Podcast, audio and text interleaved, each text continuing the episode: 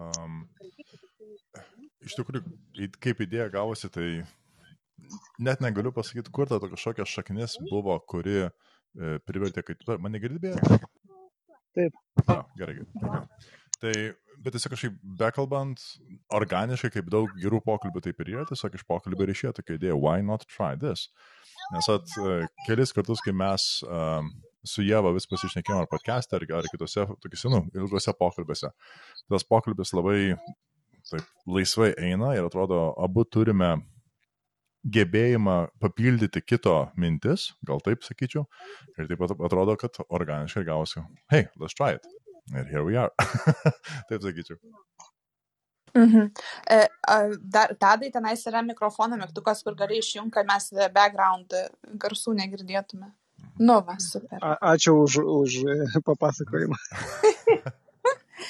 Jo, nu, iš mano pusės tai turbūt buvo, kad šiaip aš būtent, žinai, ką girdėjau, kaip po tokią mm, idėją, tai e, jinai man kilo iš to, kad e, na labai daug visokios tos informacijos priklausau ir ten ir knygos, ir podcastai dažniausiai kažkokie video, dar su kažkuo ten pašneki.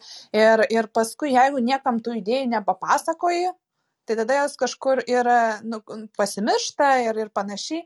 Tai tos geriausias būdas e, kažką įstragdinti į atmintį yra kažkam kitam papasakot. Tai mm, ir kai, paskui vat, Vytautui pasiūliau, e, tam, nu, nes vat, pats tas Clubhouse man dar ir formatas patiko, kad nu, va, čia yra e, kur tik tai audio ir kur žmonės gali prisijungti iš viso pasaulio ir visos Lietuvos e, ir tu gali su belenkuo padiskutuoti ir e, tau patinka, klausai, nepatinka, išeini, e, prisijungi.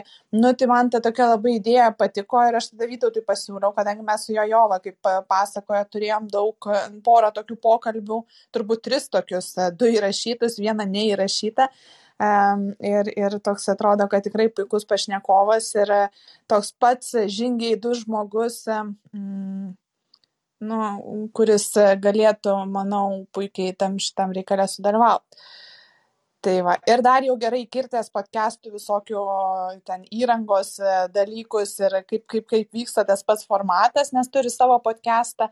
Um, tai turbūt taip tas duetas toks ir atsirado, kas iš jo gausis, ar čia po šito dar bus antras ar ne, tai sužinosi. Nu, čia žinai, kaip. Labai osom, tai aš kaip suprantu, Clubhouse, tai iš jau ne, ne naujokai, aš tai visiškai, va, net mikrofono nemoku užmytinti. Fainai, kad Iš tikrųjų, pirmą kartą Tačiau aš vieną savaitę gal praleisiu, ko ne kasdien klausydamas įvairių kambarių, kad susipažinti su pačia programa, jos kultūra ir kaip čia viskas atrodo. Um, o paskui, va čia prieš tris minutės įsirašiau softą, kad iš kompo galėčiau kontroliuoti kambarį ir paleidom ir va čia kol kas visa ta patirtis. Bet, bet, bet, kaip sakant, technologija šiais laikais yra kuriama, kad, žinai, penkiametis vaikas sugebėtų operuoti, tai vadinasi tiesiog persijungi savo smegenis į penkiamečio modą ir tada kaip ir Viskas seka dažniausiai paprastai.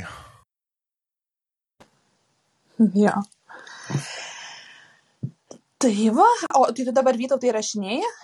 Jo, man atrodo. Jo. Mhm. Čia irgi nutestuojam, žiūrėsim, ar išeis, ne, nes.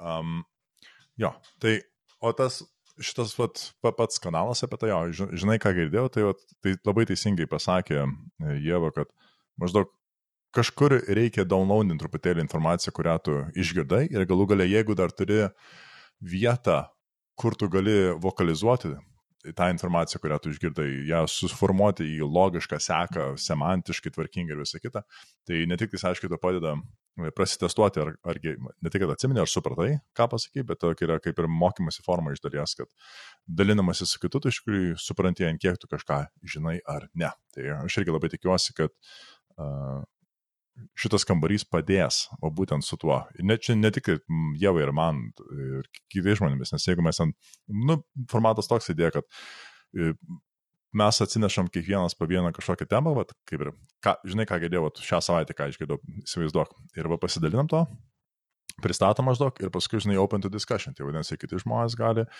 bandyti artikuliuoti tas uh, savo idėjas, mintis ar įžvalgas ar pastabas būtent tą idėją ir paskui žiūrėti, kur tas dialogas nuneš.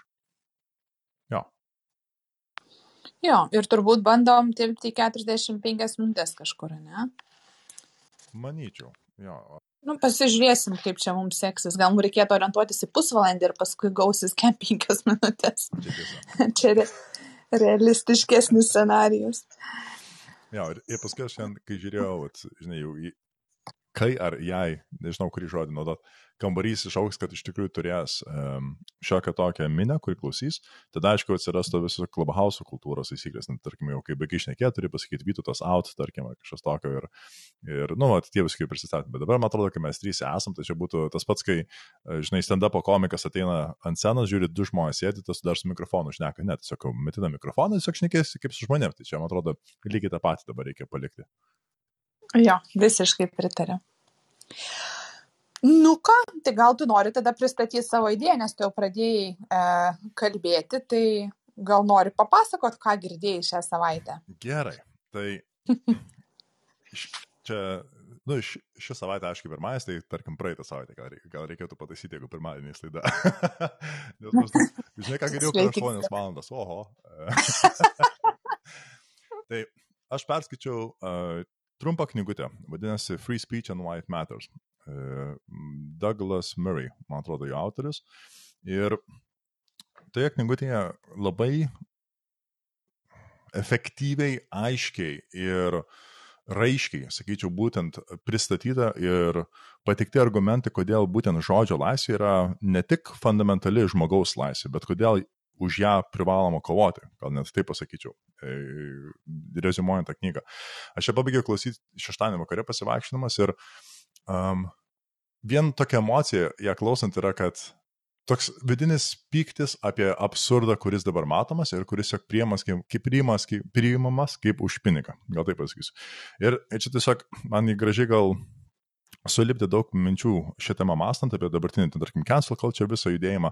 e, Ir šiaip, tarkim, į lie- Kokį judėjimą? cancel culture, tai aš nežinau, kaip lietuviškai tas um, atšaukimo kultūra, tai ka- cancel culture apibūdinčiau kaip um, ypatingai dažniausiai tai būna Twitterio pagalba ar kitų socialinių tinklų pagalba, realiai kaip ir mobbingo variantas, tiesiog žmonės įsižeidžia kažkieno elgesių, pasisakymų ar, ar kas tai bebūtų realiai nereikia ten, kad e, būtų kažkoks stiprus argumentas ar, ar pagrindas ar kaltinimas, bet realiai susikūrė minė, kuri atakuoja ne, ne žmogų, o realiai jo aplinką, tai dažniausiai, tarkim, gali būti jo to žmogaus dar, e, darbdavys ar žmonės, kurie turi tiesioginį galę jo gerbavį ir tiesiog maždaug kuria stiprų spaudimą, kad tas žmogus nebeturėtų gerbavio.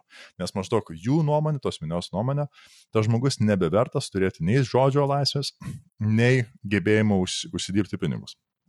Ir yra įvairiausių pavyzdžių šitoje vietoje ir kas, aišku, man jautriausiai, kai išgirstu istorijas universitetuose būtent, kai tokie įvykiai vyksta, tas yra ypatingai baugu, kai studentų atsiranda būtent minė ir jie, kaip sakyt, nu, aš atsimenu, kai skaičiau knygą apie e, tą Lenino revoliuciją, kai vyko, e, kada, antro dešimtmečio, nu, 1920 kažkėlintais metais ir apie tą raudoną revoliuciją, kai buvo. Ir daug paralelių man va, tas jaučiasi, kad tiesiog atsiranda minė, kuri nuteisė žmonės ar žmonių klasę ar be, pagal, bet kažkokį, pagal bet kokį kriterijų jiems tinkamą pasirinkantį. Jie, jie nuteisė žmogų ar žmonių grupę ir tada jie eina, žodžiu, visa gale to žmonės, nu, ar fiziškai, ar, ar vėlgi, ar gerbuvio atžvilgiu, žaloti, naikinti ir panašiai. Tai Praktiškai linco teismas. Jo, iš dalies taip ir yra. Ir, ir man, man tai yra apmaudu, nes tai yra pavojinga ir drastiškai pavojinga. Ir viena iš tokių minčių, kur man to knygutė labai patiko, kur irgi padėjo gal savo mintį šitoje vietoje sudėlioti į vietą, kad yra taip.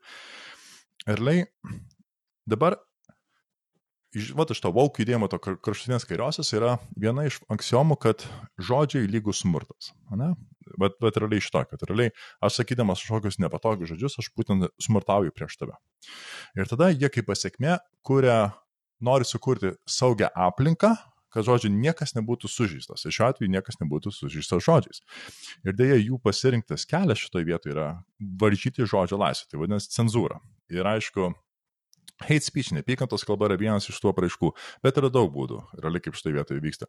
Ir kur vat, absurdas toks truputėlį oksimoronas egzistuoja šitoje vietoje, kad tu turi kraštutinė kairė, kas turėtų būti kraštutiniai liberalų, kur realiai norėtų visiems viskas laisva, visi daro, ką nori, tokia vos ne anarchizmo, truputėlį gali, nu, gal ne anarchizmo, bet būtent visiškai liberalių pažiūrėti žmonės, bet jie iš tikrųjų proaktyviai um, propaguoja cenzūrą. Ir, ir problema, problema, kad ne tik tai cenzūra žmonių tarpe, bet valstybės, uh, valstybės diktuojama cenzūra visuomeniai. Nes hate speech, tas ne, neapykantos kalbos įstatymai, kurie egzistuoja įvairiose šalyse, Lietuvoje dabar irgi e, yra truputėlį bent buvo postama, kad jis atsirastų, yra būtent labai tiesioginė to forma. Nes, žinai, ką, ką jis sako, kad jeigu žmogus kažko nekenčia, ir tai išreiškia žodžiais, tai vadinasi dabar valstybė turi prižiūrėti, kad toks žmogus negalėtų to padaryti ir jeigu tai padarys, privalo nubausti.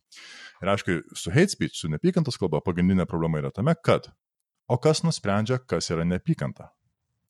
Ir, ir va, čia yra, kur yra tas slidus momentas. Ir, ir va, tų aktyvistų, tų ekstremalių kairių pažiūrių žmonių požiūris būtent šioje vietoje, kad, ai, valstybė nuspręs.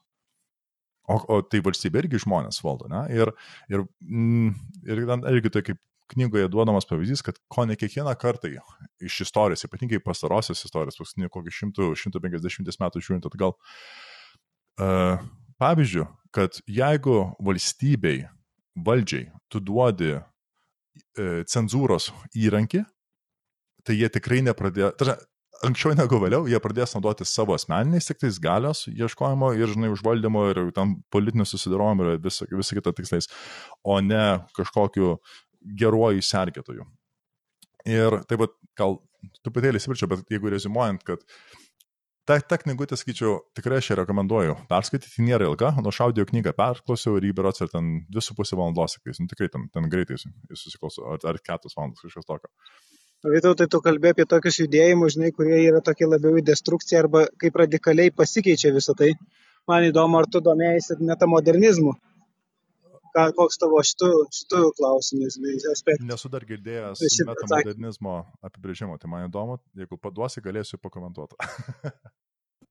tai čia tik vienas iš, iš, iš tų, tai John Verveikė turbūt yra profesorius Toronto, kuris kalba labiau apie tą praradimą prasmės ir apie tai, ką tu šneki, tai labai siejasi su tuo, kad liberalai irgi yra radikalūs ir tas radikalizmas tada gali gauti destruktyvės formas ir mes nesam, nu, tokių nusistatę kažkokių gairių arba vertybių aiškių bendrai visuomenėje. Ir Džonui reikia būtent kalba per tą istorinį aspektą visą nu, ir pradeda ten ankstyvų labai laikotarpių, žinai. Mhm.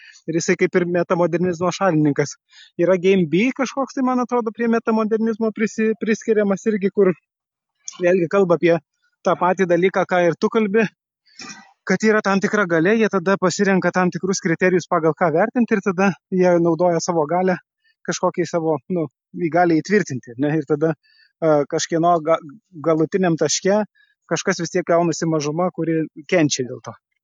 Tai Game B planas, plano principas pats yra, man atrodo, būtent tą išlaikyti visą ko a, a, susirasti, kaip bendrai civilizacija turėtų matyti visus procesus, kurie vyksta.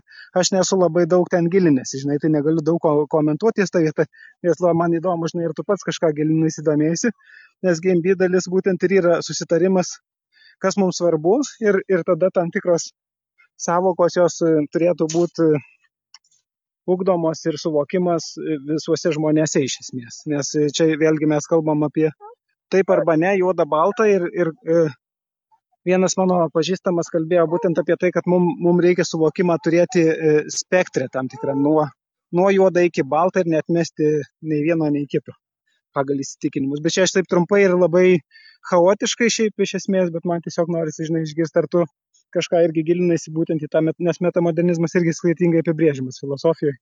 Vienaip yra, tarkim, politiniam judėjime, kitaip šiek tiek yra ir panašiai. Tai tiesiog norisi tavo, tavo išvalgų šitų klausimų. Ačiū labai. Apie patį metamodernizmą tikrai dar, kaip šitos savokos nesugadės, tai pasidomėsiu ir, e, nu, galėsiu gal kitą kartą, kitą savaitę pakomentuoti daugiau. Apie Game B planą esu truputėlį girdėjęs, ir, bet vėlgi dar per mažai, kad, galėčiau, kad būčiau susidaręs tikslę nuomonę, e, kad galėčiau vienai per kitaip sakyti, bet ką tu man pasakai, ką aš uh, išgirdau, jeigu iš tos informacijos gebėčiau pakomentuoti, tai visiškai sutinku, kad um, sie... viena, gal taip, jeigu suformuočiau mintį. Vienas vienas iš pagrindinių mano galva, aš, nu, aš tai traktuoju kaip nebrando ženklą, bet realiai ideologijos galima sakyti ženklą, tai yra absoliutizmo naudojimas. Viskas niekas, visi niekas, žinai, arba tie visi blogi, šitie visi geri, kažkas tokio. Nu, juoda balta, kaip ir tu sakai, ta dikotomija, kad yra e, kūrimo pasaulio. Ir mes, nes realybė visiškai to, to ne. Realybė visiškai ne apie tą. Realybė būtent yra visiškai pilka.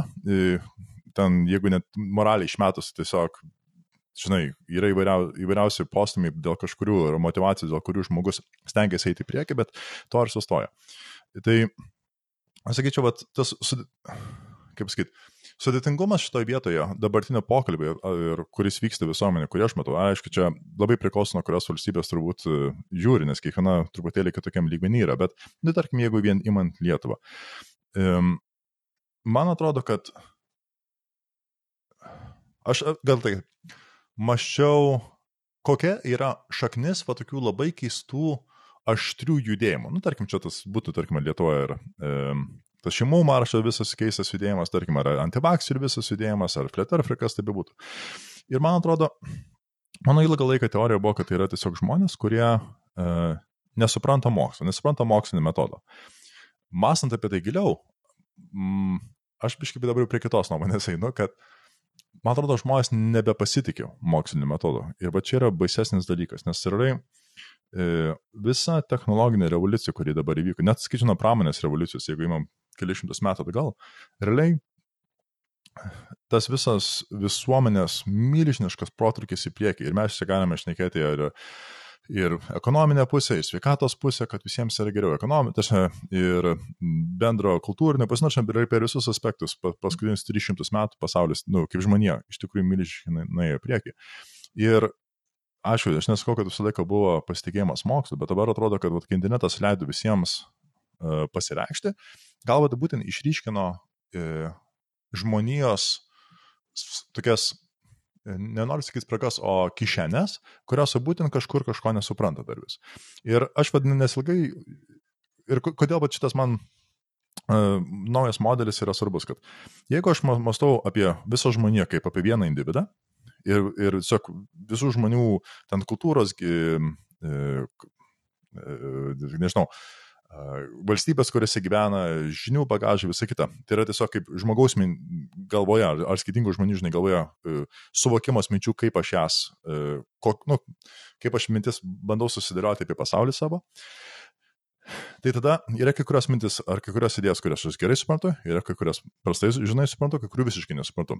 Yra kai kurios idėjas, kurias aš vieną kartą esu girdėjęs ir niekada negalvojęs ir priemu tai kaip tiesą, ir yra kai kurios, apie kurias esu įsigilinęs, nes esu analizavęs, kurias visiškai viskas nauja.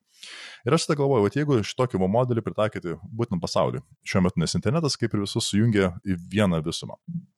Ir kaip pasiekmė tada gaunasi, kad, bet tokie judėjimai, kaip tarkim, nu, antivakseriai ar tas šeimos maršas, kas tai būtų, kur savokos yra labai neapibrieštos ir kas tai būtų. Aš dabar stengiuosi, nu, testuoju, ar šitas modelis veikia. Ar, ar tokių judėjimo esmė, kad jie sukuria pakankamą kritinę masę žmonių, kad juos pamatytum. Ar tai tiesiog nėra atspindys to, kad yra va, dalis visuomenės, kurie tiesiog vienos ar kitos idėjos jie nesupranta. Ir tada, žinai, kai, kai suformuoluoji, kad tiesiog yra, ai, čia yra žmonės, kurie tiesiog, va, žinai, yra žinių keli truputėlį atgal atsilikę negu kiti žmonės. Ne? Dėl to tie, kurie prieki žiūri atgal, galvoja, o kokie durniai, o tie iš galo žiūri, kaip jūs maž, maždaug paliekat, jūs idiotai, žinai, nu ir, va, toks, ir kiviršas atrodo. Ir aš galvoju, kad ne, kaip tik, žinai, sprendimas tada gaunasi, kad reikia bandyti suprasti, pirmą, iš kur ateina. Ir man atrodo, supratus galima bandyti tą ir e, koreguoti. Nes Nes man atrodo, kad žmogus fundamentaliai nori suprasti apie pasaulį, žmogus fundamentaliai, nes bijo nežinomybės, tai vadinasi, supratimas leidžia kaip ir pasitikėti savimi ir tokį stabilumą duoda. Ir tada kas vedasi, kad jeigu net ir va, tos um, kišenės visuomenės, kurios vis dar kažko nesupranta, tai teisingiausias būtų jiems bandyti padėti išsiaiškinti ko. Nes traukinys juda ir nenorim mes, man atrodo, kaip žmonės palikti kitų žmonių, žinai, už borto. Taip. Nu, čia toks irgi, vat, labai chaotiškai, nes dar šitos minties ne, ne, nesu suformulavęs tiksliai, bet I hope.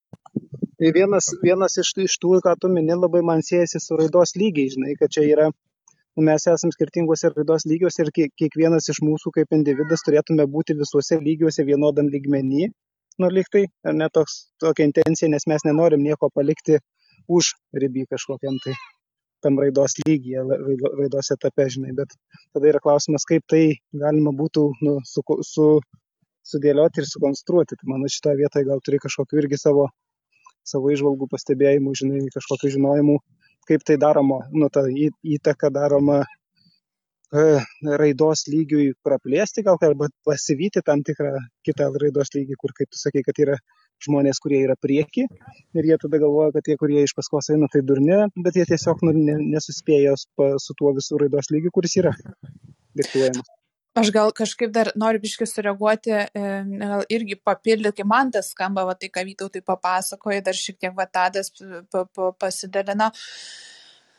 Tai jo, man atrodo, kad čia tas kalbant apie radikalizmą ir dėl ko va, tarsi pasaulis yra pilkas, bet žmonės yra linkę matyti juodą arba baltą, tai tas ateina iš to, kad um, žmonės, nu, bet koks neapibrieštumas jisai sukelia nerimą ir e, nerimas yra grėsmė nes tu nežinai kaip elgtis ir kas tavęs laukia. Ir kai tu nežinai kas tavęs laukia tu nežinai nuo ko tau reikėtų saugotis ir kas yra saugu ir kas yra ne.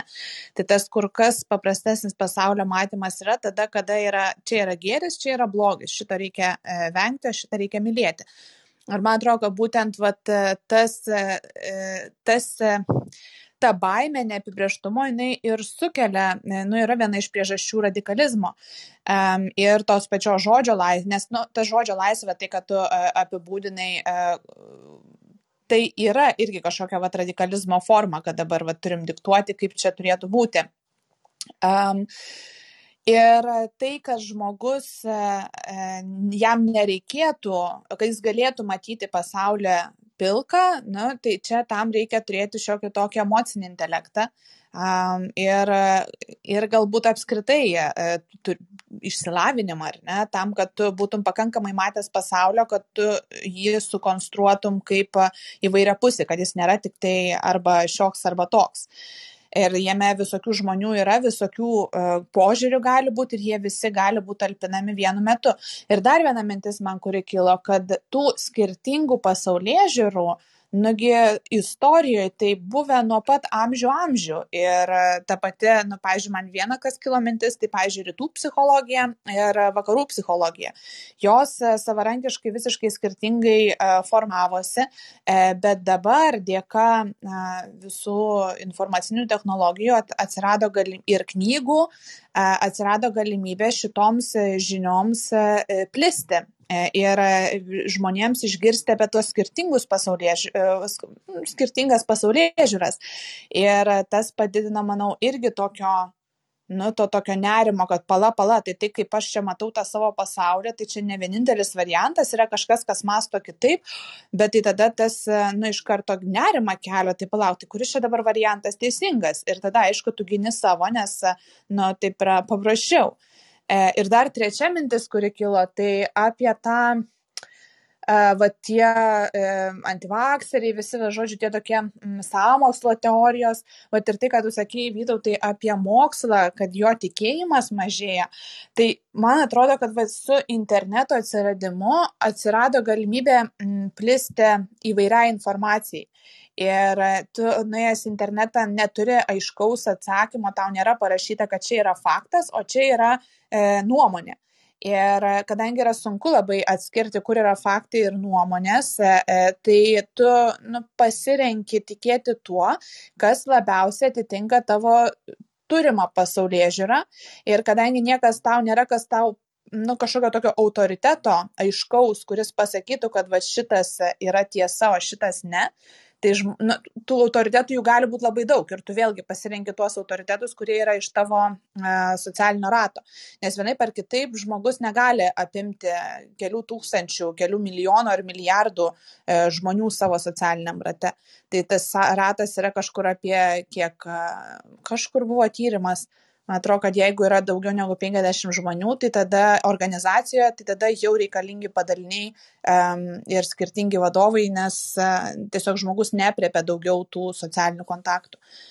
Nu, tai jo, aš irgi turbūt čia dabar pabėriau tokių pavienių minčių fa, e, srautą, bet e, man kažkokios tokios e, mintis kyla iš to, ką tu papasakojai. Super. Uh, ž... Pirmas, žiauriai dėkingas už uh, abi šitas išvalgas, nes jos, vadovai, man padėjo truputėlį um, toliau pavystyti tą vat, idėją apie uh, žmoniją kaip žmogų, kuris bando suprasti pasaulį, gal taip, nes Pirma, o ta vaikų raida, kaip pasakai Tomai, tai yra, tada atsiprašau, yra iškart man surezonavo kaip ganėtinai tikslus apibrėžimas, nes aš atsimenu, žinai, kaip būna, e, tarkim, žiūri, kieme žaidžia vaikai, nu, tarkim, visi yra penkiamečiai ir vienas koks septynmetis ar aštuonmetis su jais žaidžia, kaip lygų su lygu, ne? Ir tame nieko blogo nėra, bet to pačiu kažkaip žiūrint į tą, jau atrodo, peraugusi vaiką žaidžiant su mažesniais, yra toks nu, kažkas ne taip, yra poskonis, ar, ar toks truputėlį liū, liūdėsys už to, nes tas vaikas jau turėtų, žinai, su vyresniais, jis lik turėtų būti toliau pažengęs, negu su kuo jis dabar, žinai, sukas ir panašiai, nu, su, su, su tais vaikais, su kuriais žaidžia, nes vis tiek ten, tarkim, nuo, aš kiek pamenu, vienas iš mokyklos, tarkim, pirmokas nuo trečioko, tai ten skiriasi kaip diena nuo, nuo nakties jau. Tai ką aš nekėdėjau, jeigu vėlgi dviem, trimis metais vyresnis vaikas žaidžia su jaunesniais. Ir aš galvoju tada, vat, man atrodo, gal ir yra tas labai panašus jausmas jaučiamas, tai tu žmonių, kurie, tarkim, na, nu, mm, su konspiracijom sąmokslo teorijom gal nesakysiu, bet būtent, tarkim, jeigu pasiemi flat earthers, nu, plokščiai žemininkus, nes tai atrodo, nu, kupinai absurdo mm, tema. Ir vat, gal vat, tas jausmas, kurį pirmas sukelia emocinį, ir yra va, toks lik, žinai, žiūri kaip, tie atrodo, suaugę žmonės, bet jie jau tokie vyresni, ir jie dar teikia tokiam vaikiškam teorijam, žinai, būtent jie liek žaidžia su idėjom, kurios yra daug jaunesnės, negu atrodo, kad tas žmogus jau turėtų turėti. Ir va, va gal nuo ko, žinai, prasideda toks absurdinis uh, ir polimo, ir gynybos reakcija, kuri, aišku, nėra naudinga, nes jeigu, žinai, yra, bet aš, aišku, kadangi nesu psichologas, tai negaliu pasakyti, koks yra geriausias būdas tą vaiką, tarkim, kuris gaunasi to raidoje truputėlį atsilikas, kaip jam pasivyti, bet iš savo gyvenimo patirties, tai aišku, geriausias tam būdas yra duoti iššūkių Nes dažniausiai žmogus savęs, žinai, um, nuvertinti, kai neturėjo pagal ką vertinti. Gal taip atrodo man. Ir tai nereiškia. Ir, ir duoti įveikiamų taip, iššūkių. Būtent, čia labai teisingas patikslimas. Taip, įveikiamų iššūkių, būtent. Ir tai, va, tai čia šitą mano vaikų rydos uh, idėja labai patinka ir tinka ir a, aš taip dėčiau. O jeigu dar truputėlį grįžtant prie tos, um, kaip dabar, dėl ko žodžio laisvė yra ypatingai svarbi šiais laikais, nes pat, aš taip gal susidėliojęs tokį idėją, kad interneto revoliucija reiškia, kad visa žmonija pirmą kartą žmonijos istorijoje sėdi prie vieno stalo. Vadinasi, mes visi galim kalbėtis ir suprasti. Ir aišku, mes kaip pirmą kartą susitikę, mes turime tiek daug skirtingų požiūrių, nuomonių, pasaulyje žiūrių. Ir, ir Tai dabar va toks lik ir idėjinis, kultūrinis karas iš dalies, nu, gal karas ar konfliktas vyksta, nes bandoma įsiaiškinti, kur ta tiesa yra. Nes apartin įvairių diplomatinių, politinių galio žaidimų, kurie, aišku, vyksta bet kokiam socialiniam rate, aš kažkaip noriu tikėti, kad žmogus fundamentaliai ieško tiesos, žmogus ieško objektivumo. Ir man, vat, dėl ko žodžio laisvė yra ypatingai svarbi ir aišku mokslinio metodo svarba, nes tai yra tie du dalykai, kurie tau gali, bent atrodo, dabartiniai žmonijos atrasti, kurie, yra, kurie leidžia uh, rasti objektivumą greičiausiai ir efektyviausiai. Ir nes, žinai, kai yra objektyvų, fa, objektyvus faktai, arba kiek įmanoma objektyvesni, nes tobulokti objektyvumo turbūt irgi dar, dar nemokame rasti ir viskas tvarkojame. Bet kai pasaulis statosi ant plytų iš objektivumo, objektyvių e, faktų sudėliotų, tada natūraliai mes galime plėsti savo idėjas, o ne challenge pastoviai. Tuo tarpu, jeigu tu savo pasaulyje žiūrė susistatęs ant subjektyvių faktų, kad ten nuomonių, ar ten Petras pasakė, čia Marytė pasakė ir tavo viskas to sujaukta, tai tu vadinasi kiekvieną kartą, kai gauni savo naują informaciją, tu turi vos ne nuo pagrindų, žinai, tu jautiesi, kad tavo visa pasaulyje žiūrė nuo pagrindų puola. Ir tada, aišku, tu pirminė emocinė reakcija yra tu gintis arba pulti atgal arba kasti. Ir tada labai sunku va tą kažkokį bendrą e, komunikaciją rasti tarp tų dviejų pusių. Kai viena, žinai, nes jeigu tas žmogus, kuris turi objektivumą grįstą pasaulyje žiūrą arba dalį jos, jeigu jam kažkas yra arba patikima informacija, arba puolamas jo pasaulyje žiūrą, tai ne, nekerta nuo pamatų, tai kerta tik sienas, ar lubas, ar čerpės, ar kas tai būtų, jeigu čia metaforinį tokį namą statytume. O, o tam kitam žmogui, kur tik jis nuomonė grįsta, tai viskas yra kaip ant šiaudų, tiesiog, žinai, papučia vėjas ir fuck, vėl viską reikia iš naujo daryti. Ir man, tai va, čia tas, tas, tas, tas, tas toks pastebėjimas. Ir, ir čia va, kartu siejasi truputėlį su, va, ta ta jo, to būtent, kva čia, kaip žinau, šitas yra psichologinis jau uh, ištirtas uh, reiškinys, kad būtent jeigu žmogus jau pirmą kartą, pirmą kartą išgirdo bet kokį idėją, dažniausiai priims kaip tiesą. Nes bet kas yra geriau negu nežinoti, nes nežinomybės mes bijom. Tai bet ką aš išgirdau, tai kaip ir užkišu tą nežinomybės skylę ir I'm happy with that. Bet dabar jeigu tu gauni kitą informaciją, kuri gali būti yra iš tikrųjų objektyvi tiesa, bet tu vis tiek tą pirmąją ginsi. Ir, vat, ir taip ir gaunasi, kad tada būtent tas um, dėl ko objektivumas ir svarbu, nes tada tau nereikės pastoviai būti gynybos ar polimo režime.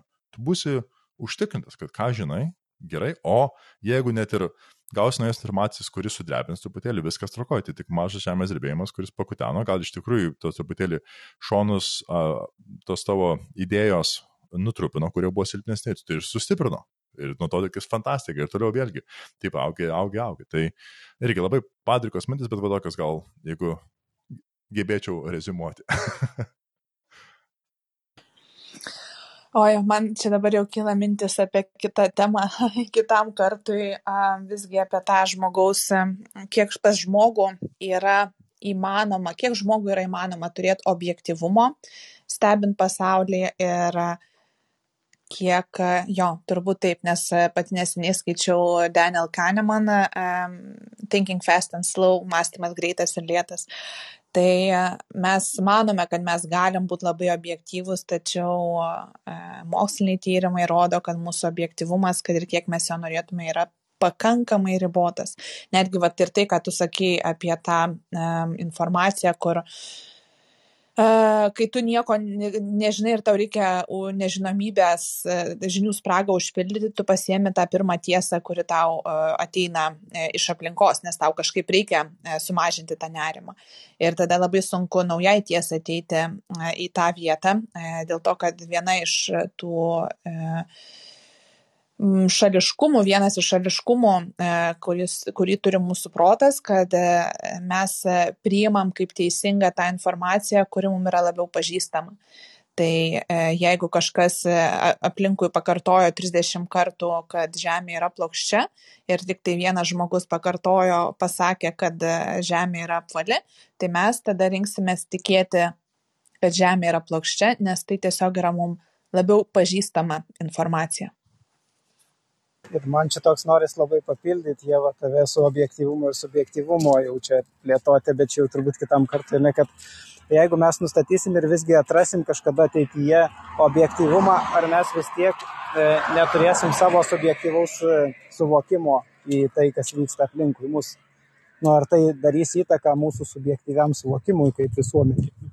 Tai čia tiesiog toks atvirų klausimų savo, nes jeigu mes formuojam objektyvius kažkokius kriterijus ir faktorius, ar jie tada daro bendrai visuomeniai kažkokią įtaką subjektyviai suvokti mūsų realybę, kuri mūsų.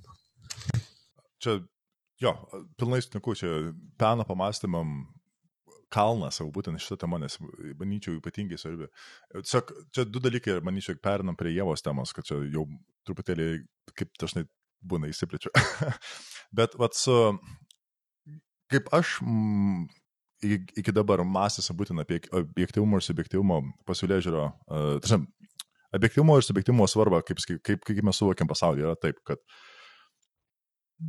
kiekvienas žmogus yra kaip ir unikalus eksperimentas, kuris vyksta žmonijos, dažnai dalis ir, nu, toks naudas papildomas. Ir kiekvieno iš jo kaip ir matavimai ar išvalgos dedasi į tokį bendrą mūsų žinias. Ir kas gaunasi, kad kai vėlgi atsiranda kažkokia skirtinė masė žmonių, kurie tą patį visi pastebėjo, tai mes norim patikėti, kad ta informacija teisinga, bent kažkurį laiką, nu tokio pasitikėjimo duodam tą informaciją. Ir tada, tada jau duodamas kažkoks objektivumo matas tam ženklas, nes jeigu tą patį dalyką pamatė žmogus gyvenantis, tarkim, ir vienam kaime, trečiam ir penktam, ir dar iš užsienio lygiai tą patį pamatė, mes jau galime duoti truputėlį tokio pasitikėjimo, kad čia objektivumo kažkiek jau yra. Ir, ir kodėl tai svarbu, kad vėlgi tai yra Nes jeigu turi kažkokio objektyvų, tai kaip ir tokia žinių sala, nuo kurios tu gali toliau plėstis. Kol jos nėra, tai vadinasi, tu taip ir lyg miškė savo, žinai, pasiklytęs vis vaikščioti, nes tu kiekvieną kartą prieidamas medį, tu nežinai, ar jau tą medį matė ar ne. Tu reikia vėl praeini, o vėlgi, visą nežinai. Tau bet reikia kažkokio atskaitomųjų taškų, tai aš taip galvoju. Ir dabar man atrodo, kas tiesiog vyksta, kad būtent daug dalykų, kuriuos mes jau manėm, kad objektyviai suprantam, yra challenginamos tos idėjos. Ir labai gerai, jos turi, nes pastovi mokslinis metodas tą patį sako, kad tos idėjos, kurias mes matėm, kad yra ties, tai teisingos ir objektyvios, jos nebūtinai taip yra. Ir jos turi būti testuojamos ir jeigu jos nelūšta, fantastika. Jeigu lūšta, tai gerai, ieškosim kažko naujo, kas pakeistų. Ir, ir Ir dėl ko tas žodžių, čia grįžtinai į visą pačią pačią pradžią, dėl ko vat, žodžio laisvė ir ypatingai yra svarbi, abiejų pusių, ta, kuri puola, tarkim, ar bando, nu, challenge, va tą kažkokią idėją fundamentalią ar tą objektyvę, kaip mes ją suprantam, tai jie turi turėti visišką žodžio laisvę su, sukurti stipriausią argumentą, kokį turi, kodėl tai nebeobjektyvu. Ir, ta, ir kita pusė, kuri, tarkim, gina tą objektivumą, turi irgi turėti visišką žodžio laisvę, sukurti dar geresnį, patį geriausią argumentą, kokį gali, kad pateikti prieš. Ir dabar tik tai stoj vietoje, kai turime du stipriausius argumentus, du strongmanus visiškai, mes galime iš tikrųjų žiūrėti, kuri viena pusė laimi. Kitaip gaunasi, kad tiesiog tu eini į kovą iš karto, žinai, prie, prieš eidamas į ringą, nupjaudamas, žinai, oponentui ranką, koją ar kas tai bebūtų. Ir tada absurdas. Ir čia užbaigti visiškai apie tą žodžio laisvę, man labai yra įstrigusi George Carlino komiko viena mintis, kad sako, kadangi mes galvojame kalbą, vadinasi, mūsų minčių kokybė priklauso nuo mūsų kalbos kokybės. O čia yra šita jo mintis. Ir tai vadinasi, vienintelis būdas, kad mums gebėti gerinti mūsų mintis, yra gebėti kalbėtis geriau, gebėti geriau uh, formuluoti savo mintis, geriau argumentus pateikti. Ir vienintelis būdas tą padaryti yra tik tais turint žodžio laisvę. And I'm out. Jeigu būtų aplodi, aplodismentų, čia mygtukas dabar paspaučiau. Audio effects. Um.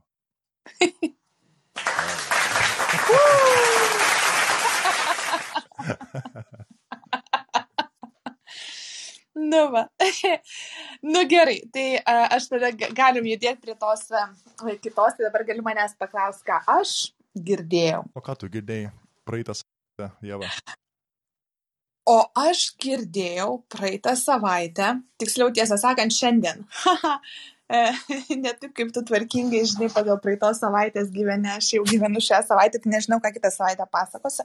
Bet aš girdėjau, kad e, žmonės, kurie yra vieniši, e, 30 procentų didesnė tikimybė turi numirti anksčiau laiko. Tai ha, citata tokia yra, o dabar šiek tiek prieš istoriją, kaip aš iki to nusikasiau, iki tokių liūdnų žinių. Tai, e, žodžiu, šeštadienį e, dalyvau žygį, e, ėjau pažygiuoti. Ir kadangi tai buvo pirmas žygis po karantino, kažkaip tai labai turėjau tokių tam tikrų lūkesčių. Nes norėjau pažygiuoti dėl to, kad man patinka, jis yra organizuotas tas žygis, tenais ir tenais daug žmonių susirenka Ir kai paprastai, tradiciškai per žygius, kai eidavau, tai, nu, yra kažkaip gana įprasta kažką susitikus kelyje, kas galbūt irgi žygiuoja vienas, pasisveikint, paklaus, kaip žygiuojasi ir tada kažkaip užsimesga įvairūs pokalbiai ir toks būna ne tik tai fizinė veikla, bet dar ir tokia socialinė veikla. Ir ką pastebėjau žygio metu, kad tie mano lūkesčiai nevelnio nepasiteisino. Kiek tik tai kas praeina pro šalį, visi akis nudelbė ir niekas net akių kontakto nepagauna. Ir aš tada pradėjau galvoti, nu kame čia kampas, iš kur čia dabar va taip, nu ar, ar čia kažkaip aš kažką blogai darau, ar čia tada kažkaip žmonės kažkokie pasikeitę. Na nu, ir aišku, tada e, turbūt susijau tos dalykus, e, turbūt ka, kaip ir daugumą susijėtų, kad per karantiną žmonės biškai atprato bendrauti. E, ir tas, e, aš ir pati pasijutau, kad man kažkaip sunkiau kažkokiam nepažįstamam pasakyti į labas, kaip tau einasi, bet turbūt daugumai žmonių tos tokios gyvas kontaktas jisai patapo mažiau įprastas po karantino. E, ir nepaisant to, gale e, kažkur po 20 gal 9 kažkur kilometro pakely e, sutikau, pamačiau sėdinti vyruką, kuris nu, tiesiog sėdėjo, ilsėjosi. Ir, na, pati pačios patirtis rodo, kad jeigu jau ilsiesi ne punkte, ne tarpiniai stoteliai, bet kažkur tarp tarpinių stotelių, nu, tai matyti nėra labai lengva eiti. Ir aš kažkaip jo galvoju ir man toks kirbėjo tos biškinerimas, klaus, neklaus, gal čia kažkaip tai nenorėjo žmogus sakyti, ai, bet kažkaip pagalvojau, paklausiu, išdrisau ir sakau, na, kaip, kaip, kaip einasi, sako, sunkiai. O mane kaip tik tuo momentu ir miegas ėmė ir visaip kaip, ir aš tada jį pasie, sakau, nu davai einam kartu, nes man kompanijos reikia, e, tau gal irgi bus lengviau eiti. E, ir vat kažkaip. Tai mes paskui likusios tai jau ta, tos kilometrus nuėjom kartu ir tas laikas, kurį ėjau viena, lyginant su tuo, ir tas laikas, kurį ėjau va, su kompanija, praskrido visiškai skirtingai, tos paskutinės valandos kelios praėjo liktai porą valandų. Tai žodžiu, labai pozityviai pasibaigė tas visas e, žygis ir tas e, pabandymas užmėgti kontaktą su nepažįstamuoju. Nu ir tada aš šiandien naršau po savo podcastų tinklalaidžių sąrašą, ką čia tokio paklausyti ir ką čia dar tokio bus galima šiandien papasakot. Ir užmačiau uh, The Knowledge Project uh, epizodą, su Shane Parrish, jinai yra ekonomistė ir mokslininkė. E, ir e, pavadinimas yra The Crisis of Loneliness. E, ir jinai pasakoja apie tai, kad ši karta, jinai vis daugiau joje yra daugėja individualizmo. Kaip pavyzdį patikė tokį nu, visai įdomų tyrimą, kad buvo atlikta analizė dainų maždaug 80 metais ir e, dabartiniais, vat, 2000 plus metais. Ir daugėja, gerokai daugiau dabar yra įvardžių I arba aš ir vis mažiau e, įvardžių kaip mes. Tai netgi vad dainų kontekste tas tokio atrodo daugėja, va, ten irgi buvo pava, paminėtas neoliberalizmas, kad su visom tom tokiom va, asmeniniam laisvėm atsiranda labai daug tokio individualizmo aš, aš, aš ir dar kartu su visom su, socialiniais tinklais ir, ir, ir technologijom atsiranda ir tokio daugiau galimybių būti vienam, bet uh, tas e, daro žmonės vienišesnius. Ir buvo dar keli va tyrimai, kurie, kurie va, paliko galbūt įspūdį apie tą vienišumą ir kiek mes jo patys susikūrėm tam tikrom savo veiklom.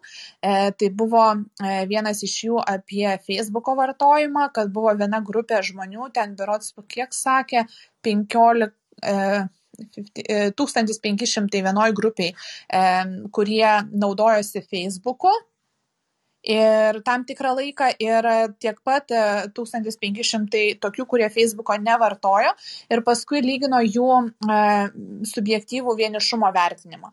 Tai e, rezultatai buvo tokie, kad tie, kurie buvo be Facebooko, jie jautėsi kur kas mažiau vieniši, daugiau laiko praleido gyvose socialiniuose kontaktuose negu tie, kurie Facebooku naudojasi. Tai vienas toks. Kitas buvo irgi tas at, apie tą vienišumą, tas tokia statistika, kad žmonės, kurie jaučia subjektyvų tą vienišumo pojūtį, jie jų gyvenimo 30 procentų didesnė tikimybė turi numirti anksčiau laiko, nu, taip sakant, premature death, tai yra nuo ne nuo senatvės, bet nuo kažkokių, nuo, nuo lėtinių lygų, nuo psichologinių lygų ir panašiai. E, bet čia, kas irgi, manau, svarbu pasakyti, kad tas vienišumas nereikėtų suprasti, kad čia yra, e, va, jeigu tu gyveni vienas, tai tada jau tu tenais mirsi anksčiau laiko, jeigu tu gyveni su partneriu, tai tada tu, e, ten viskas bus gerai. Ne, čia kalbam apie subjektyvų vienišumo jausmą ir netgi žmogus, kuris yra santykiuose, jisai gali irgi jaustis vienišas, jeigu tie santykiai yra nekokybiški. Ir paskui, kai buvo pasakojama apie analizuojama, vad kokios tos priežastys e, vienišumo ir kame žmonės galbūt savo užkerta kelią tam vieni, uh, to, mažinti vienišumo jausmą, mm, tai gal iš esmės, kad mes labai sumažinam apskritai savo bendravimo galimybių. Pavyzdžiui, mes vis mažiau įsitraukiam į savo vietinės bendruomenės ir jų organizuojamas veiklas. Mes vis daugiau renkamės pirkti online, internetu, negu kad eiti gyvai į parduotuvę. Ir e, tie, tie patys, na, socialinės medijos ir panašiai. Tai man gal dabar vat, kalbu, bet galvoju, gal geriau išversti per tokį, per, o ką galima daryti, kad mes jaustumės mažiau vieniši. Nes ten vat irgi tokie skaičiai buvo gana liūdni, kad 60 procentų jaunuolių jaunimo jaučiasi vieniši. 60 procentų, tai yra, nu, ta prasme, baisus skaičius. 3 penktadaliai žmonių e, jaunų, jauno amžiaus. Tai e, kai buvo kalbama apie to, ką galima daryti, tai yra labai paprasti dalykai. Visų pirma, eiti gyvai pirkti dalykus, o ne e, per nuotolinį būdą. E, įsitraukti į e, vietinės bendruomenės veiklas. E, pavyzdžiui, ten kokia talka organizuojama bendryjoje, tai nueiti tą talką um, prisidėti prie kažkokių renginių organizavimo, savanorystės. E, e, savanorystė buvo irgi pagalba kitiems žmonėms įvardyjama kaip viena iš tų veiklų, kuri mažina vienišumo jausmą. Paskui, kas e, apie pokalbį su nepažįstamuosius, irgi čia prisiminiau iš kitos operos tyrimą, kuomet traukiniuose buvo viena grupė žmonių, kurie buvo pasodinti nu, žodžiu, jiem pasakyta, kad jūs e, lipkite traukinį, bet ten e, būkite sausinėm, nu, žodžiu, užsiminėkit savo veiklom, o kitai grupiai pasakyta, kad jūs, e, vat, užkalbinkit žmogų, kuris sėdės, sėdės šalia jūsų. Ir paskui vėlgi buvo vertinamas prieš tą eksperimentą jų manimas, kaip jiem bus, ar bus malonu ar nemalonu kalbėti su nepažįstamoju. Ir paskui kaip jie iš tikrųjų jautėsi po to. Ir rezultatas buvo tas, kad po E, pokalbio, kad po to eksperimento net ir tie, kurie prieš tai galvojo, kad tas pokalbis bus nemalonus, e, buvo kur kas e, labiau patenkinti ir jie buvo patenkinti, kad tą pokalbį užmesgė. Ir kai lygino pasitenkinimą pačiu kelionės procesu, tarp tų, kurie užkalbino ir tų, kurie važiavo vieni, tai tie, kurie užkalbino nepažįstamai, jie jautėsi, buvo kur kas laimingesni tą kelionę negu vieniši tai va tai e, kalbint nepažįstamus ar tai būtų žygy ar tai būtų tra traukiny e, ir netgi dar perskaičiau man atrodo vokietijoj buvo akcija e, užkalbink nepažįstamai traukinyje ir ten buvo tam padarytos kelios iniciatyvos. Viena iš jų, kad buvo paskirtas atskiras vagonas, skirtas kaip ten Wagon C, žodžiu, vagonas skirtas for chatting o kita iniciatyva, kad buvo ant kėdžių padėti e, tokie kaip e, kortelės su pokalbio galimom temom kad galėtum užmėgti tą pokalbį. Tai va, tai gal tiek ta tema, kiek vat, išsinešiau ir iš to podcast'o, ir tokių asmeninių galbūt pastebėjimų ir patirčių. Geras, žiauriai įdomu. Čia man irgi nemažai minčių kilo ir Pirma, aš labai, labai džiaugiuosi, kad va, tą atskyrėjai, um, kad jaustis vienišam tai nereiškia, bu, jeigu esi vienas, tai nereiškia, kad būtinai esi vienišas. Nes čia yra labai labai svarbus skirtumas. Aš, čia, čia mano jau gyvenimo istorija parodė, kad net ir būnant um, su partneriu, tai aš esu su mergina, gali jaustis tragiškai vienišas. Ir dėja, nu, tą teko išmokti. Ir, ir tame viskas gerai. Aišku. Um, jo, čia, čia labai būtų įdomu uh, pasižiūrėti iš medicinės pusės, prasme, kokius, uh, kokius, kokius veiksnius biologinius pagreitina būtent tas stresas, turbūt, kurį tu jauti, jausdamasis vienišas. Ir ar, jo, tai čia vienas dalykas, kitas, aš paskui, vat, kaip paminėjau, vat, tą analizę dainų, žinai, žiūrint, ar tai aš, ar mes, ir, ir tą žodžių um, E, nu, tai tas bandomas palyginimas. Reikia tam būtų įdomu pasižiūrėti, ar uh, tas aš tai būtent yra, kad tiesiog uh, iš tos pusės, kad žinai, um, aš esu, tarkim, ten vienas šas liūdnas į, įsimylėjęs whatever, ar tiesiog kaip ir dabar daug socialinės medijos propaguojamos kultūros yra tiesiog, kad viskas apie mane ir žiūrėk, tu šiandien toks m, iš pasigirimo pusės, tokio, nu, kad aš gyvenu geriau už jūs, dėl to viskas apie mane ir, nu, tokio e, egocentriškumo, kas uh, iš dalies turbūt galima sėti su vienišiškumu, tai, ar, bet, nu, čia mano ir kaip psichologinės žinios yra per, per prasas, kad galėčiau pasakyti, ant kiek artimai šitie dalykai yra susiję. Uh, kitas dalykas, man labai irgi ta patiko idėja, kad vat, kaip tą vienišumo jausmą uh, pa, nu, panaikinti. Ir visiškai sutinku, tikrai, va, šnekėti su nepažįstamais yra fantastiškai geras dalykas. E, aišku, tą pradžią padaryti kartais būna sudėtinga ir jo, rasti kažkokį burelį, turbūt vienas iš tokių lengvesnių dalykų, nes, na, nu, kaip ir jeigu užsiemi kažkokį hobį, kurį tu darai, tai kaip pasiekmė, jeigu ten yra dar žmonių, tai per tą savo bendrą interesą tau bus lengviau pradėti tą pirmą žingsnį pašnekėtis negu šiaip random žmogų. Iš mano gyvenimo patirties, tai aišku, Lindy Hopas, tas buvo idealus įrankis savo būtent šitą įgūdį sustiprinti ir pajausti, kad vis dėlto šnekėti su nepažįstamais yra fantastika, kiek daug gali sužinoti ir super. Paskui prisimenant apie irgi tą tokį vienišiškumo jausmą ir kalbėjimą nepažįstamais, kai aš gyvenau Škotį keturis metus savo bakalauro metais, Va ten šita problema ir egzistuoja ir ne, kadangi ten žmonės tave užkalbins bet kur, bet kada gatvėje.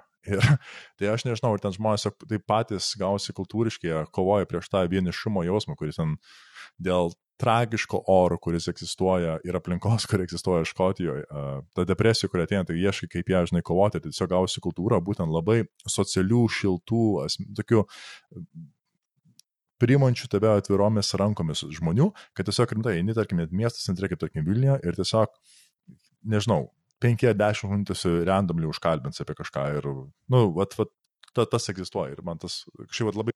Ta, ta, o, o kokio dydžio mieste gyvenai? Pagal dydį.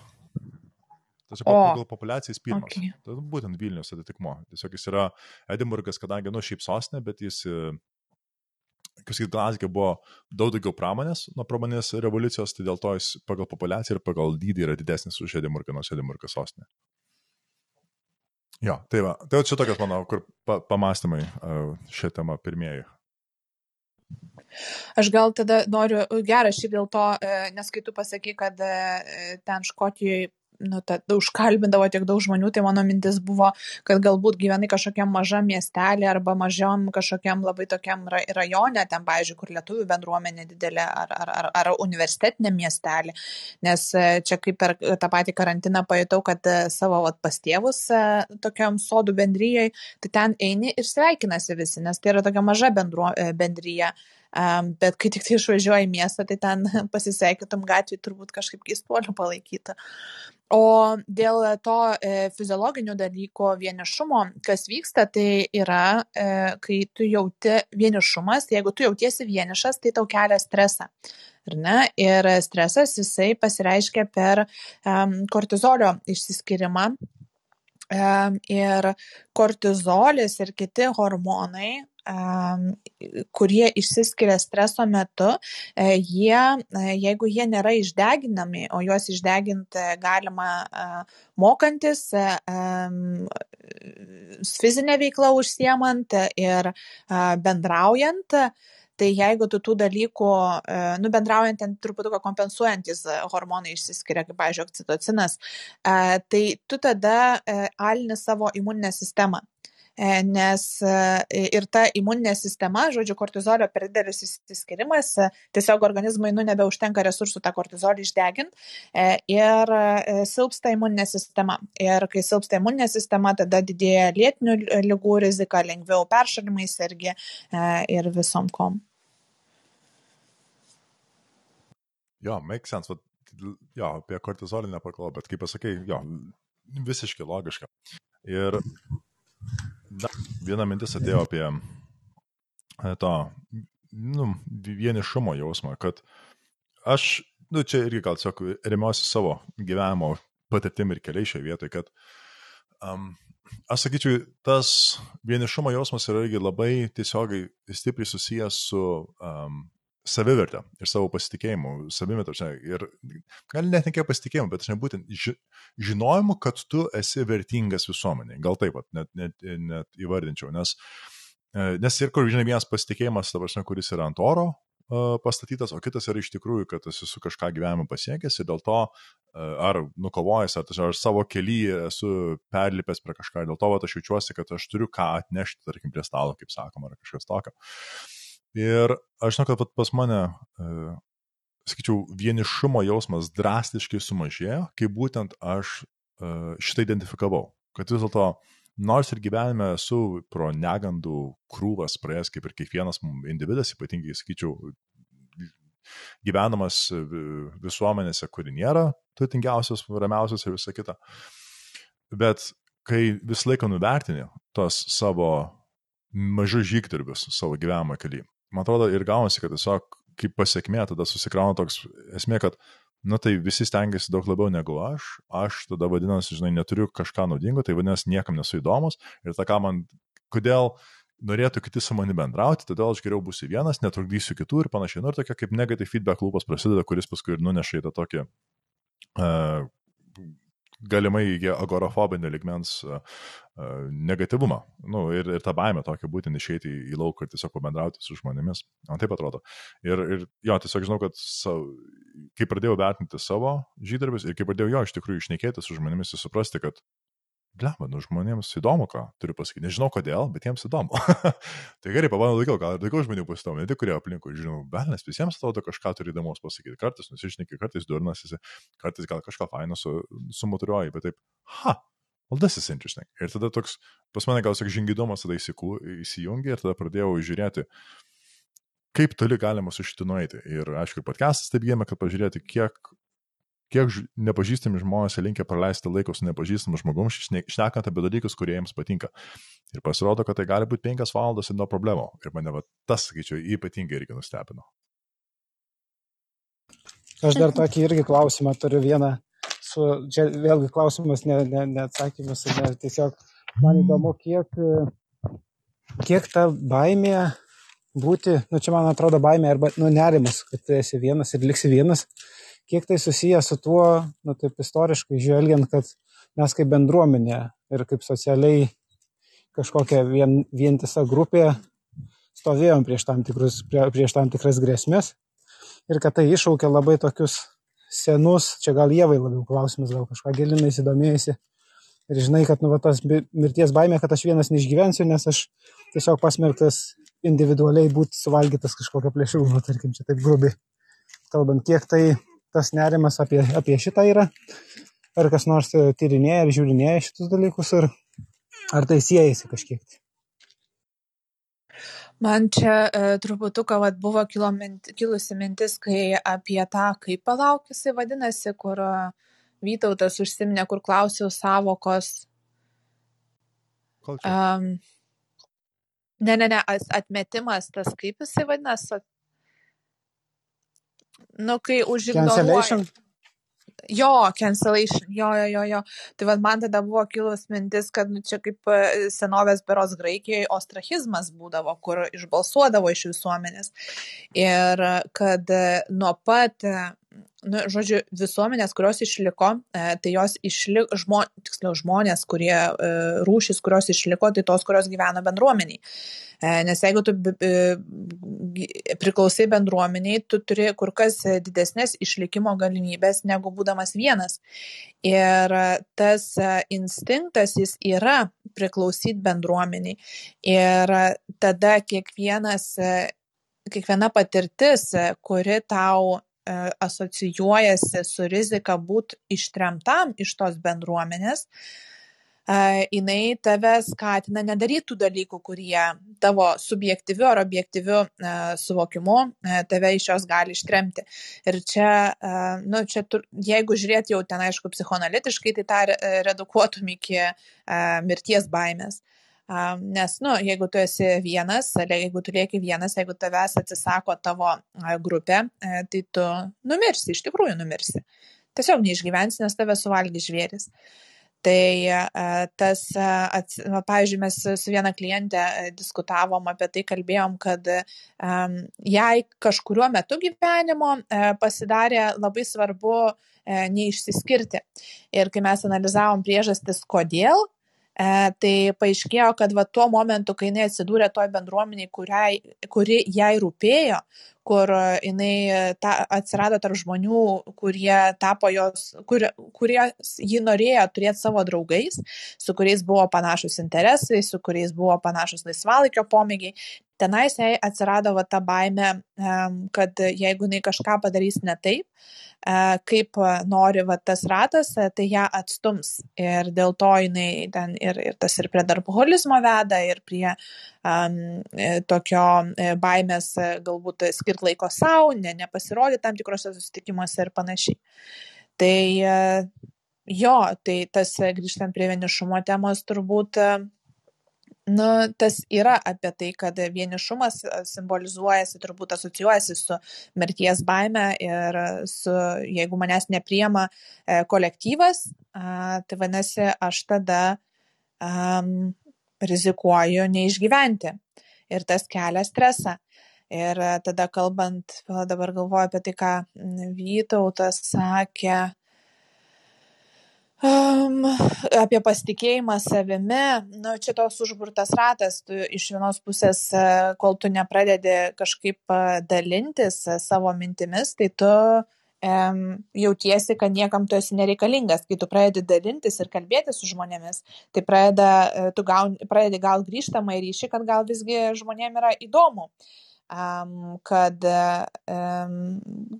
kaip žmogus ir galbūt aš esu reikalingas. Ir tai vad, bet tu tarsi, nu, tos patirties, kad tu esi reikalingas, negausi tol, kol tu neperlipsi per savo, neįveiksi savo baimės, e, visgi užmėgs pokalbius su nepažįstamoju. Tai kadangi aš taip žiūriu, kad mūsų laikas kaip ir e, jau baigėsi, tai aš gal noriu užbaigti va, savo dalį su tokia e, citata iš to, iš, iš vieno iš straipsnių, kurį radau. Uh, um, ta tema. Uh, one reason may be that the experience of talking with others and hearing a stranger's voice makes us realize that they have a rich inner life of thoughts, feelings, emotions, and experiences just like us. Va, tai man ta tokia citata labai mm, apibendrina tą tokią motyvaciją um, galbūt užkalbinti pažįstamą ir kas atsitinka, vat, iš kur atsiranda maloni patirtis e, kalbėti su uh, nepažįstamuoju, iš to, kad nu, tada jį tu pamatai galbūt daugiau panašesnį į save, negu kad e, galvojai iki tol.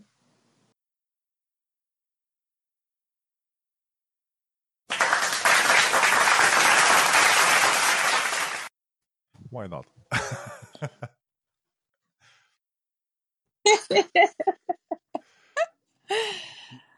jo, nu va, tai ką žinau, turbūt galim, turbūt užbaig šitą, ką žinau, kokie, kokie tavo įspūdžiai, dabar būtų faina visų trijų įspūdžius išgirsti. Tai neutraliausias šitam projekte. Jo, jo, jo, jo. Aš tai jaučiuosi užkluptas netikėtai. Galvoju, pasijungsiu, čia Jėva kažką pasiūlė, pažiūrėsiu, pasiskaitysiu, žiūriu, o čia vyksta pokalbis, žinai, tai toks.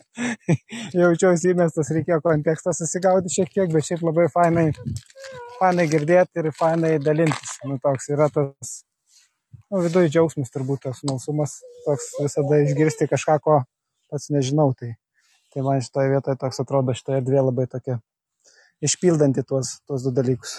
Tai taip trumpai gal. Labai faina, kad prisijungiai, nes e, toks e, ir mums buvo toks e, biški netikėta, nes aš dar galvau paskutinę akimirką, kad būtų faina kažką pakviesti iš pažįstamų, galbūt, kad pajusti, va, kaip čia kitam būtų klausyti. Tai, nu, tai čia taip neplanuotai išpildėjai šitą lūkestį. Jo, sutinku, nes, žinai, vis tiek, net ir vieno žmogaus minę, prieš kurią reikia išnekėti, yra daug geriau negu nulis. tai čia iš karto tobulą buvo. Tai labai labai tikrai ačiū, kad atėjai tai. Um, man tai, va čia taip ir būna su tokiais pokalbiais, žinai, kai yra laiko limitas. Iš vienos pusės tai yra labai gerai, kadangi tai, uh, tai yra toks kaip ir paskata gebėti tiksliau, aiškiau ir glaučiau sudėlioti mintis, neįsiplėsti. Tačiau kai tokios įdomios temos ir, žinai, kai visą laiką smalsumas yra žingidumas tokio lygmens, kad kažką naujo iškabina ir nori vis plėsti, vis plėsti, vis, plėsti. Tai va dabar net kai Jėva pasakė, aš net užsirašiau dar, dar tris dalykus, kur aš nenorėjau pakomentuoti, dar toliau vesti tą pokalbį, bet, bet iš tikrųjų gali labai gerai. Ta prasme, tas laiko limitas bus naudingas įrankis vat, padidinti gal retorikos kokybę kaip pasiekmė. Nu, nes vis tiek kiekvienas suvaržymas, vadinasi, tau reikia rasti įrankių, kaip pagerinti tą, ką turi. Tai, bet man, man patiko. Rezimuot man tikrai patiko. Na, Vytau, tai tu turi ten savo platformą, kur gali penkių valandų pokalbis turėti.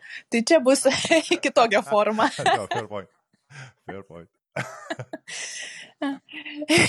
Ir man gal irgi toks e, visiškai sutinku, man irgi ten, tarkim, apie, nu, turbūt abiem temom dar būtų norėtųsi diskutuoti ir diskutuoti, bet turbūt m, tas toks trumpesnis formatas, jisai a, e, duoda kažkokią idėją, e, kažkur užkabint kažkokias temas ar mintis, kur e, ir iškelt kažkokius klausimus. Ir e, tie klausimai ir tiem patiem klausytojams turbūt dar kitokie gali kilti negu mums patiems. Ir tas yra žiauriai gerai, nes tu turi apie ką pamastyti, turi tokio peno vat, pagalvoti, kaip tas liečia tavo gyvenimą ar, ar, ar jo.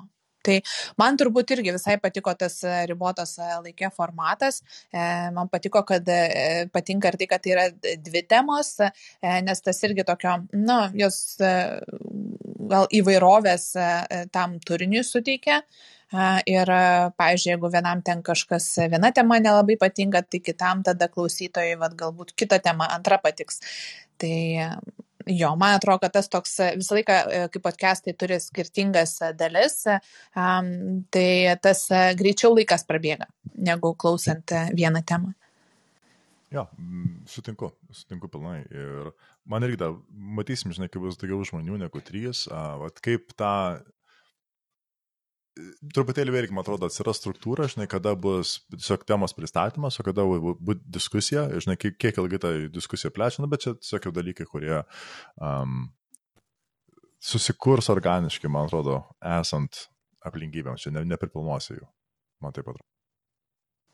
Nu, bet turbūt galima kažkiek, gal savo, kadangi tą temos pristatymą mes galim kažkiek laike apsibrėžt sau nu kažkiek bent jau minimaliai tai pasiruošę ir pavyzdžiui talpintis į temos pristatymą kokias penkias septynias minutes tai tas tada paliktų daugiau erdvės diskusijai ir nu daugiau mažiau pasiplanuot kada maždaug mes turėtume pereit prie antros temos e, kad palikt pakankamai laiko abiems ir tada turėti, kad vienas iš mūsų būtų tas uh, laiko kontrolierius. Ja. Great. Nu, tai man atrodo, kad mūsų blynas visai neprisviręs pirmas.